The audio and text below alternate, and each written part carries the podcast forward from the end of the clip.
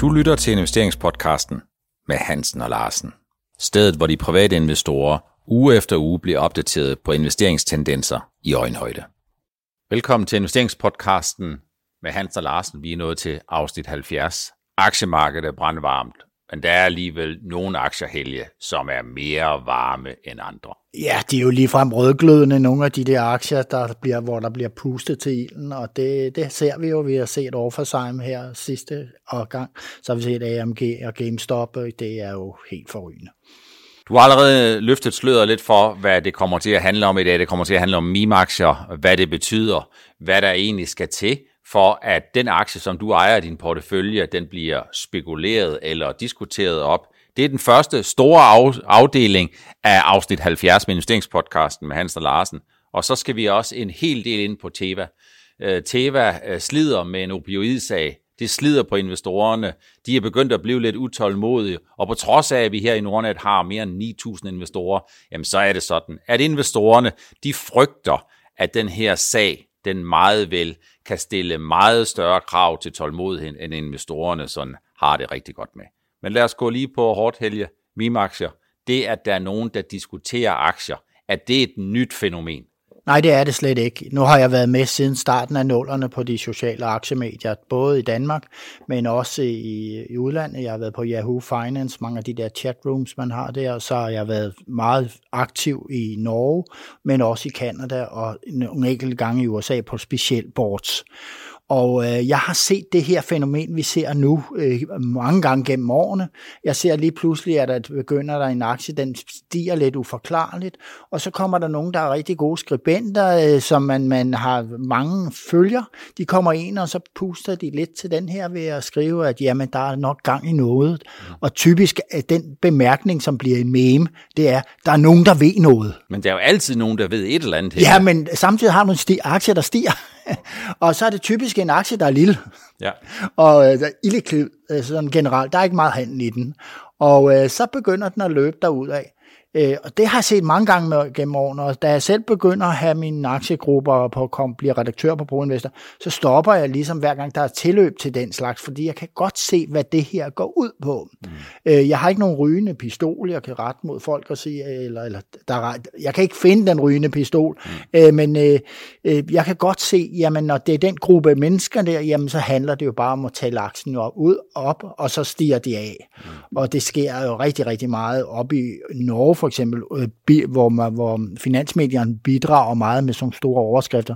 Analytikeren siger, at denne aktie kan doble sig. Det, det kan man gå op og se på Finansavisen mm. hver anden dag. Ikke? Så, så der, der, er noget grød, der har været grød i alt det der i mange år. Men det vi ser nu, så, med så store stigningsprocenter, det har vi aldrig set før. Men hvorfor er det, at vi ser det lige nøjagtigt nu? Med stor intensitet, er det fordi, at man har fået den perfekte distributionskanal, nemlig at man får internettet, som bliver distributionsmotoren, hvor investorerne de kan finde deres informationer øh, og diskussioner i nogle fora, som bare er fuldstændig lagt op og standardiseret, så er det sådan set bare, buffeten er serveret, det er bare med at gå til. Ja, altså øh, maski- øh, øh, maskinrummet er blevet større og større, og hastigheden er sat op, hvor med du kan få distribuere ting, og nu lige pludselig ser vi faktisk også en, på tværs af landegrænser, så ser vi, at danskere de løber med amerikanerne. Altså det er ligesom at se sådan nogle miniputhold, alle løber efter bolden, alle mm. sammen på én gang. Og det ser vi også, at jeg kan se det her fænomen, det diskuteres jo også i Sverige og, det, og i Norge, og man bruger de her aktier til at sige, at der skal vi også være med på. Mm. Ikke?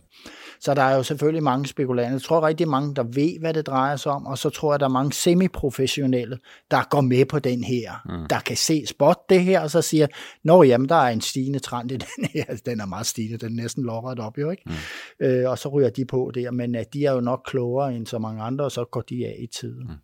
I sidste uge der havde vi meget AMC, American Cinema, eller Theater op, ja. øh, og noget af det, som vi diskuterede, noget af det, vi samtalte om, det var, det var lidt interessant, at man på den ene side har den her digitale streamingsverden, som kører videre, samtidig med, at lige nøjagtigt den her store interesse, som stadigvæk her i denne her uge er fuldstændig intakt, at den kører lige nøjagtigt omkring AMC. Det kan være tilfældigt, øh, det kan være mange gode grunde til, der kan være nogen, der har solgt sig selv kort. Det var det, vi så i, i, i GameStop.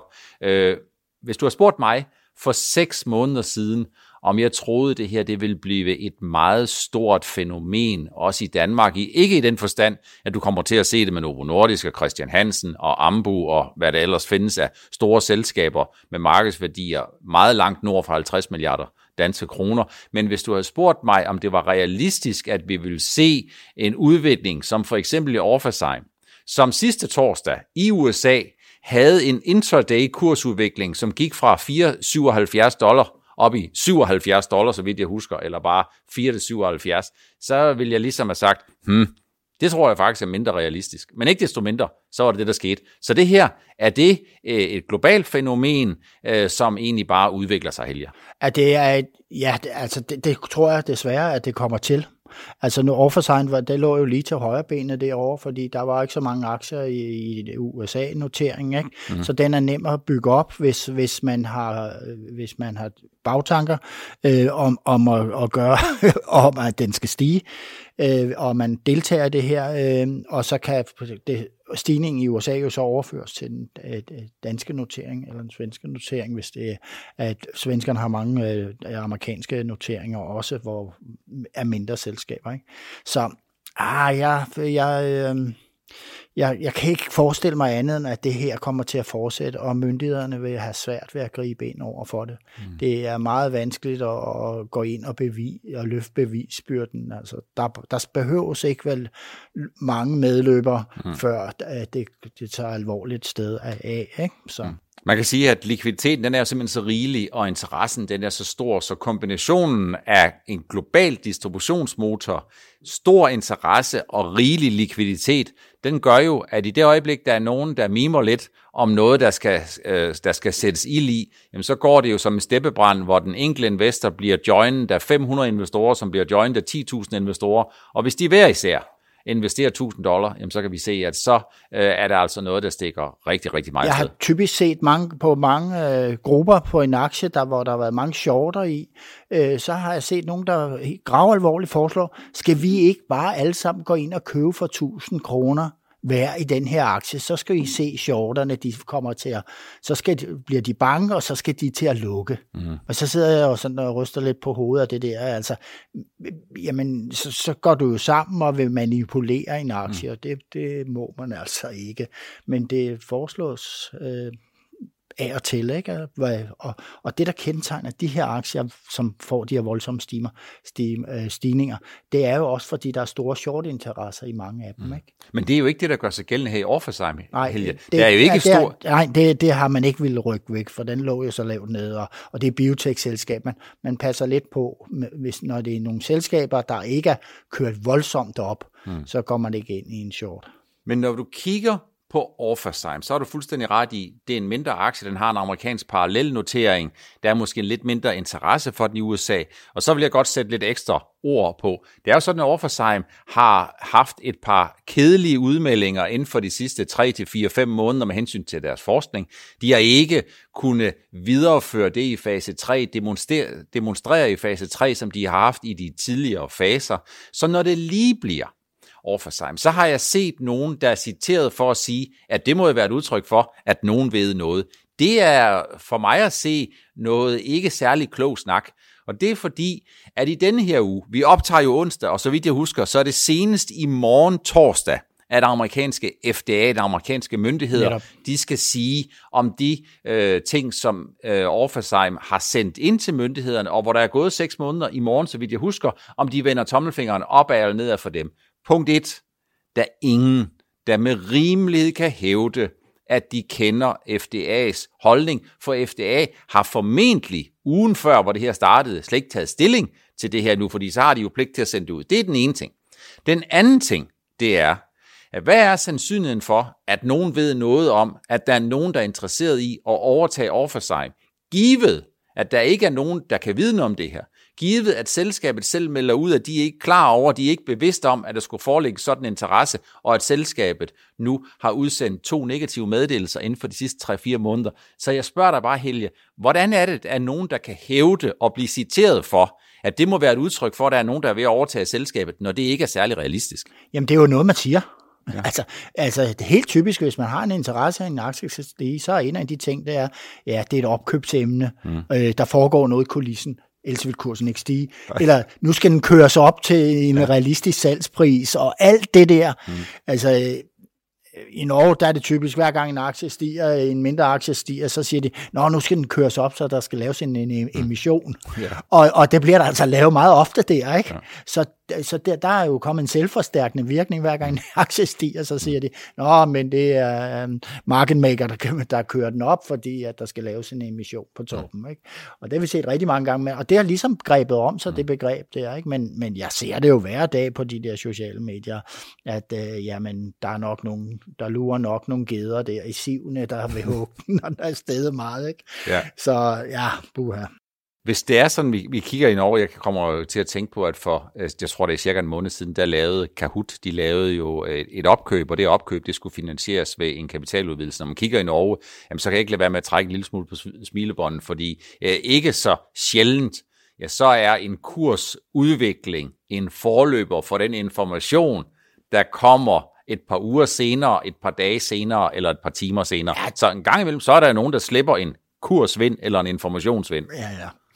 Så man kan sige, at det her, det er, aktiemarkedet det er fantastisk. Det er, øh, der er nogle af de penge, der er på aktiemarkedet, som ikke i traditionel henseende investerer ud fra et værdianker. Hvad er det her selskab ved, og hvad for nogle muligheder er der? Men der kommer en helt ny ingrediens, og hvis nu jeg skal tage det ledige standpunkt, så kunne jeg måske også øh, tænke mig at spørge dig, Helge, er det ikke bare et udtryk for, at det her i femte potens af den her momentumbaserede investor, som vi har set rigtig meget af de sidste 5-10 år, hvor investorerne de køber det, der sælger, de, de køber det, der stiger, og de sælger det, der falder.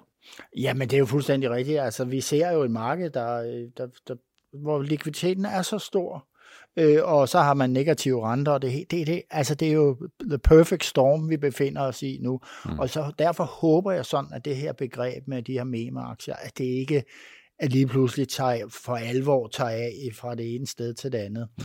Jeg tror faktisk også, at øh, der skal være gå en vis tid imellem af de her cases, hvis man skal have succes med det, fordi mange gange ser man en kæmpe stigning og et stort fald, og der er rigtig mange, der brænder sig på det. Men okay, omvendt, der er mange nye investorer på markedet, så der, der, der er måske nye køber til en ny sag. Kan man investere i tiltro til, Helge, at en af de aktier, som du ejer, eller som du ikke ejer og overvejer at købe, at det kan blive sådan en meme-aktie, altså at du ligesom kommer ind og bliver drevet op af sådan en opdrift, en varm vind, noget hydrogen, som stiger til værs. Og jeg vil sige, dem der køber sig ind i den type, altså jeg har jo en masse øh, frimærker i, eller små beløb i nogle aktier, jeg følger i typisk biotech-selskaber. Så de er jo bare købt. Jeg forventer jo ikke, at der kommer sådan en lige pludselig sådan en blæst omkring dem, og mm. kursen stiger voldsomt. Øh, men jeg tror nok, at, at, at der er nogen, der spekulerer i at købe ind, fordi de kan nok med et velvalgt ord i den og den aktiegruppe, mm. måske, øh, hvis de bare siger, at tjene 20 procent på stigningen, mm. fordi den er så lille og illikvid. Ikke? Ja. Det har jeg set meget af gennem årene. Så må det være ligesom øh, filatelisterne og frimærkesamlerne, de skal sørge for, at alle frimærkerne ikke ligger på bordet, for hvis der kommer en meget kraftig vind, så kan det være, at nogle af frimærkerne, de blæser et andet sted hen, end det, som man havde regnet med. De takker af. Så hvis man skal kigge på det, jamen så tror jeg jo, og det her det er ingen anbefaling. Det er ikke noget, som jeg mener, man skal følge, men jeg tror forudsætningerne for, at der er nogen, der kommer på radaren, jamen det er først og fremmest, at det er nogle aktier, som er underanalyseret. Det kan være aktier, som er underfokuseret.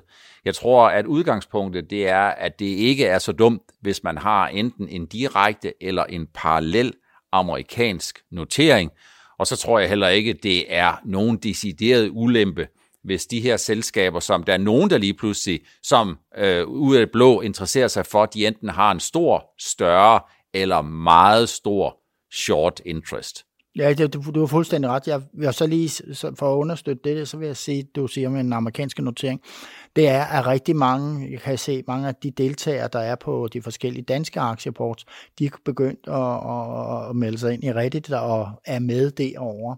Øh, vi var det typisk i starten af nålerne, der var mm. vi mange, der var med på de amerikanske ports, men, og så har der været stille, men nu er det nu går turen over Atlanten igen. Mm. Man kan sige, at i USA der er alting hurtigere, større og bedre. I nogens optik vil jeg i hvert fald sige, at det er meget, hvad, hvad det her angår, der er det 0 eller 1 Enten så er der strøm, eller også så er der ingen strøm. Og så har man altid haft meget spekulation i penny stocks, altså de helt små aktier derovre i et større omfang, man har haft i, end i resten af verden. Ja, så et godt eksempel på, at meget af det, som amerikanerne de har haft på et eller andet tidspunkt, det kommer til Europa og Danmark, og det er i sandhed kommet. Og husk nu på, det her det er onsdag. Vi optager onsdag forud for torsdag. Og torsdag, der er det jo sådan, at FDA ifølge planen har sidste dato for at komme med nyt omkring overforsign, uanset hvad der sker så bliver det rigtig spændende, og det skal nok blive fortolket.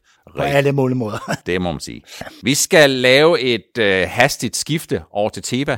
Øh, Teva, investorerne, de frygter, at den opioid-sag, som kører, jamen den kommer til at trække ud. De, trykker en, øh, de frygter en øh, ørkenvandring, men øh, investorerne har dog endnu ikke resigneret. Det er i hvert fald min konklusion. I den her uge har jeg skrevet et indlæg på Nordnet-bloggen. Gå ind og se det, hvis I synes, det er finder, hvis I finder Teva interessant, eller hvis I finder emnet interessant.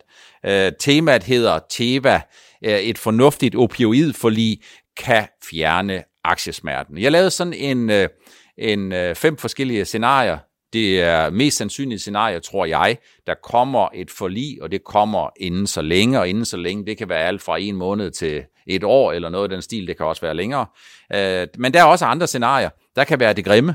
Det grimme scenarie er, at Teva skal betale væsentligt mere, end de tidligere havde øh, budgetteret med. Det rigtig grimme scenarie, det er, at Teva bliver bedt om at betale en meget, meget stor øh, øh, bøde øh, i størrelsesorden 5 milliarder dollar, de skal betale den kontant. Så er det det super gode, men desværre ikke særlig realistiske scenarie, at de bliver frikendt, og de måske modsagsøger den amerikanske stat. Det vil være rigtig, rigtig spændende for investorerne. Og så er det det scenarie, øh, som de fleste, tror jeg, frygter og har indstillet sig på, nemlig tålmodighedsscenariet. Det scenarie, der går på, at den her opioid-sag, som jo på mange måder er en benchmark-sag, og hvor, øh, og hvor øh, dommerne er lidt tilbageholdende. Vi ser det aktuelt her i Kalifornien, og nu starter den snart i New York. De er lidt tilbageholdende med at lave en endelig kendelse, for de ved, at det får en meget, meget stor øh, betydning. Det er det scenarie, som investorerne de frygter lidt. Jeg lavede en afstemning inde på Twitter, og inde på Twitter, gå ind og se den øh, under min profil, der var det sådan, at øh, cirka 40% ud af de 200, som stemte, og tak for det, øh, de stemte på tålmodighedsscenariet, nemlig der er en risiko for, at opioidsagen trækker ud, og aktiekursen som et andet skib, der har fået motorskade, siver og driver ud på Atlanten, og det, der bestemmer hastigheden og retningen, jamen det er jo strømmen. Og Helge, tålmodighedsscenariet den tålmodige investor, det ved du jo rigtig, rigtig meget om. Ja, men jeg ved også, at det, det er nummer et, at det, man skal, man skal være tålmodig, det er det første punkt i, i min øh, private grønspættebog for investorer. Både for nye og allerede ø- let øvede ja, ja. investorer. Men øh, et af nummer tre eller fire er jo, at man aldrig skal investere i et selskab, der ligger i større retssager og i patentslagsmål. Hmm. Det er jo sådan noget, man øh, for, for hver gang man snakker med gavede investorer, så får man ved, hold dig lige væk, fordi der er de og de der usikkerhedsmomenter i aktien, og øh, det kan trække ud, og retssager kan trække ud, og patentslagsmål kan trække ud.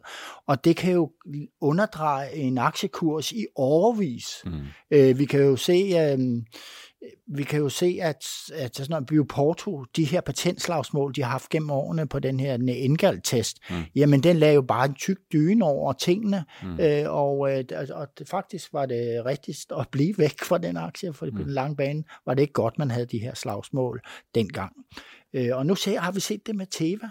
Altså, hvorfor i verden skulle man gå ind og blive euforisk og køre op i Teva, øh, så længe at det her er uafklaret? Men det her, det er vel 0-1, Helge, fordi i det øjeblik, hvor det her det er uafklaret, indtil den dag, hvor det ikke længere er uafklaret, fordi det kommer ikke som værende en proces, hvor dommeren siger, at inden for de næste 12 måneder kommer jeg til at afsige en kendelse. Det kommer en proces, som vel egentlig kommer som en 20 om natten, øh, og derfor så er det vel sådan, at investorerne, som har den der holdning, enten så skal de sige, jeg er i aktien, fordi jeg kan leve med den risiko, fordi jeg synes, risiko versus afkastpotentiale, det er attraktivt.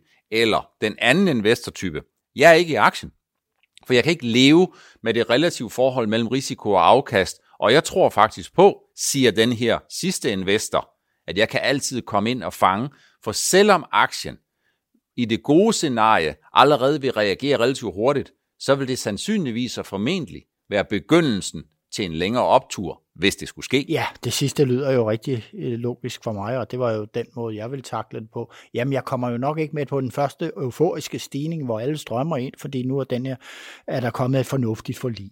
Hmm. Altså, jeg vil jo så typisk øh, vende på tilbagefaldet, som altid sker, når noget er stedet ret kraftigt. Så er der jo masser, der tager gevinst, og så vil jeg vurdere casen og så sige, nå jamen, det er godt være, jeg skal ind nu, fordi resten af Teva er jo kommet på ret kurs mm. på grund af kår mm. i det her tilfælde. Ikke? Så det du egentlig siger, Helge, hvis jeg skal prøve at opsummere det der, det er, at man skal egentlig tage det lidt roligt med hensyn til den der første dags stigning, der eventuelt måtte komme, hvis det scenarie, som jeg siger, er det mest realistiske, nemlig der kommer et fornuftigt forlig, fordi alle har en interesse i et fornuftigt forlig. Det har Teva, det har Johnson Johnson, det har advokaterne, de vil gerne have deres penge, det har amerikanerne, for de vil gerne have, at der er nogen, der bliver afvendet fra de her øh, opioid. opioid. Øh, de vil gerne have nogle penge i kassen, så alle har jo egentlig interesse i det. Men på den anden side set, så siger du jo også, at der kommer sådan set masser af muligheder, fordi det sker ikke sådan på dag 1, at aktien den bliver prisfastsat til perfektion, når det her det er væk. Altså man har det, når man øh, har været ude for et traume, og det her, altså man får et chok, og det kan også være et glædeschok, det rent faktisk, kan man, at, at, at det ikke kun helt ulykkeligt, og hvis det er et glædeschok, og alle bliver euforiske, og øh, kursen stiger, jamen så kommer der et tidspunkt, hvor, som der altid gør efter sådan noget, så øh, kommer der en nyorienteringsfase, både hos investorerne, men også hos selskabet selv. Øh, og typisk vil man få benzin på, på, på motoren i selskabet, når puha, nu er det afklaret og man kan se i øjnene, at alle de store omkostninger, man har til hele den juridiske stab, dem skærer man altså lige væk. Og alt den der øh, bremseklods, der er på aktiviteter, øh, mm. Uundgåeligt i mange selskaber på grund, noget, på grund af noget, der er så alvorligt, det kommer væk. Mm. Og så kan vi som investorer sidde og sige, at jamen, vi nyorienterer os også, og vi ser på casen med nye øjne. Og det vil analytikerkorpset også gøre i Teva. Så når den der sten i skoen forhåbentlig kommer væk en dag, jamen så laver man nogle mere reelle analyser, og, og analytikerne føler sig sikre på casen, mm. og så bliver de nok lidt mere modige med, med kursmålene. Men noget af det allersværeste, Helge, ved at investere, det er at være tålmodig, yep. og det er at være disciplineret og holde sig til den investor, du er, og holde din strategi. Så mange af os, måske faktisk i virkeligheden alle, kan godt lide at købe noget på tilbud, godt lide at købe en højkvalitetsvare til en udsalgspris. Så det er jo noget af det, som er rigtig, rigtig svært, ligesom at modstå fristelsen, der siger, den her, den er alt for billig, men vi ved bare ikke rigtig, hvornår den kommer til at blive prisfastsat til den vejledende udsalgspris igen. Og noget af det allersværeste, det er jo egentlig at gå ind og sige, nu aftager risikoen, aktiekursen den stiger. Men det, som jeg hører dig sige, det er, at når aktiekursen begynder at stige, så stiger aktiekursen regulært set i starten væsentligt mindre end risikoen aftager. Og det vil egentlig sige, at det reelle forhold set i en sådan situation, set hvis jeg skal tolke på det, du sagde der, så er det relative forhold mellem risiko og afkast, jamen det ser egentlig meget, meget mere interessant ud, når først risikoen den er lavere, simpelthen fordi det er risikoen, som er så dominerende for, hvordan investorerne de tænker, de tror og de investerer. Ja, men hvis nu man absolut gerne vil ind i Teva, eller hvis jeg skulle føle lidt for det, så skulle jeg sige, nu har jeg nogle penge, jeg ikke kan placere bedre andre steder. Og, og problemet er jo lidt for Teva her i, hvad, i lang tid. Jamen, der har jo været masser øh, gevinstmuligheder i alle mulige steder på mm. aktiemarkedet. Mm. Øh, det var, sidste år var det jo lige meget, hvad man satte pengene i. Ikke? Så, så, så vælger man jo ikke Teva, hvor, der, hvor, hvor der, man har sådan en alvorlig sag kørende. Men hvis man vil ind i Teva, så, jamen, så kunne man købe mindre mængde aktier, ligesom, og så følge det lidt. Og så kan man få den første gevinst på den lille portion, mm. øh, og så kan man jo orientere sig om, øh, om skal man nu begynde for alvor at supplere op i aktien. Man kan sige, at, øh, at Teva har jo været sådan øh, i limbo øh, i et par år. Kåre Schultz uh, fortsætter med at lave nogenlunde et frit cashflow på et par milliarder dollar om året. Det bruger han til at barbere gælden ned til det, som han mener er det langsigtede, og det, som han skal opfylde, øh, før han øh, stepper ned i øh, 2023 eller 2024, jeg kan ikke helt huske, hvornår det er, nemlig at han skal ned på en gældsrate i forhold til indtjeningen, gæld i forhold til EBITDA på 3. Så den kører vel egentlig bare parallelt fuldstændig af. Gør den ikke, Helge? Jo, det vil jeg da mene. Altså, det er der, der følger, følger selskabet sådan kvartal for kvartal. Men det er jo det, altså han lagde jo godt ud i starten, og det var en god plan, han havde med nedbringelsen. Og i takt med, at han nedbragte øh, gælden, øh, sådan lidt efter lidt, så kunne han også genforhandle nogle lån til nogle bedre vilkår. Mm. Fordi så sidder der långiverne, der, de står, sidder jo der og siger, okay, det, nu bliver gæld, den samlede gæld bliver nedbragt, mm. så kan vi godt tåle at få en lidt mindre rente. Mm. Når vi kigger på de retssager, som historisk, dem er der mange af i USA, der findes, jeg tror ikke, der findes noget sted i verden, hvor der findes så mange advokater per tusind indbyggere, som der gør i USA, og det er det, som jeg hørte en, der sagde engang, at den der måde, hvorpå man uh, nivellerer indkomstfordelingen ud i det amerikanske samfund, det er det tætteste, man kommer, the little man socialism, altså alt det der med, at man hele tiden kan slæbe nogen i retten. Kan få en erstatning for så eller kan man få erstatning for, at man har øh, tørret sin kat i en mikrobølgeovn, og det ikke har stået der, og alle mulige andre ting. Noget, som vi i Danmark tænker, det er ret uh, indlysende, at det ikke er nogen god idé. Men hvis vi kigger på historien, Helge, så er det jo faktisk sådan, at øh, de retssager, der bliver lavet, om det er med tobaksindustrien for 20 år siden eller andre, der bliver vel i hovedsagen ikke givet nogen bøder, som dem, der får bøderne, ikke kan betale, simpelthen ud fra den betragtning, at hvis det amerikanske samfund, de giver en bøde til en, der ikke kan betale, jamen så giver det amerikanske samfund en lussing til sig selv. Og det er der jo sådan set ikke nogen helt fantastisk god idé i. Så den sanktion, den økonomiske sanktion, der bliver givet, den skal jo både være hård, den skal være mærkbar, men den må ikke være destruktiv i den forstand, at så stiller man sig bare sig selv ringere, end man var i går. Er det ikke også en, en del af det? Jo, det er der jo mange, der har, øh, det er der blevet skrevet rigtig meget om, at gennem årene, at det er sådan, det hænger sammen. Og så må vi også tænke på, at de fleste af de der sager, de, der kommer jo for lige i dem. Mm. Så altså, det er jo bare sådan, der, men mm. det, det holder altså nogle advokater i live, det system. Lad det være det sidste, som vi fik med i afsnit 70 af investeringspodcasten med Hansen og Larsen. Forlig eller forlis, vi håber det bedste for øh, de mere end 9.000 øh, Teva-investorer, som er her hos øh, Nordnet. To ting, vi har været igennem i dag. Den ene, det var Mima-aktier. Der er fuld gas på øh, investeringsoptimismen. Jeg håber, det ender godt. AMC, GME, Nick Branded og BlackBerry og hvad der ellers var, startede en trend eller en tendens, som blev aktiveret øh, i januar og februar måned, og her i øh, juni, øh, der er den også kommet til Danmark med Orpheusheim. Det bliver spændende at se, hvad FDA de har at meddele Orpheusheim, og det er ikke sikkert, at det, som FDA de meddeler Orpheusheim, nødvendigvis vil være noget, som aktiekursen kommer til at reagere rationelt på. Jeg håber, I følger jer øh, godt informeret. Vi ses igen i næste uge i afsnit 71 af investeringspodcasten med Hansen og Larsen.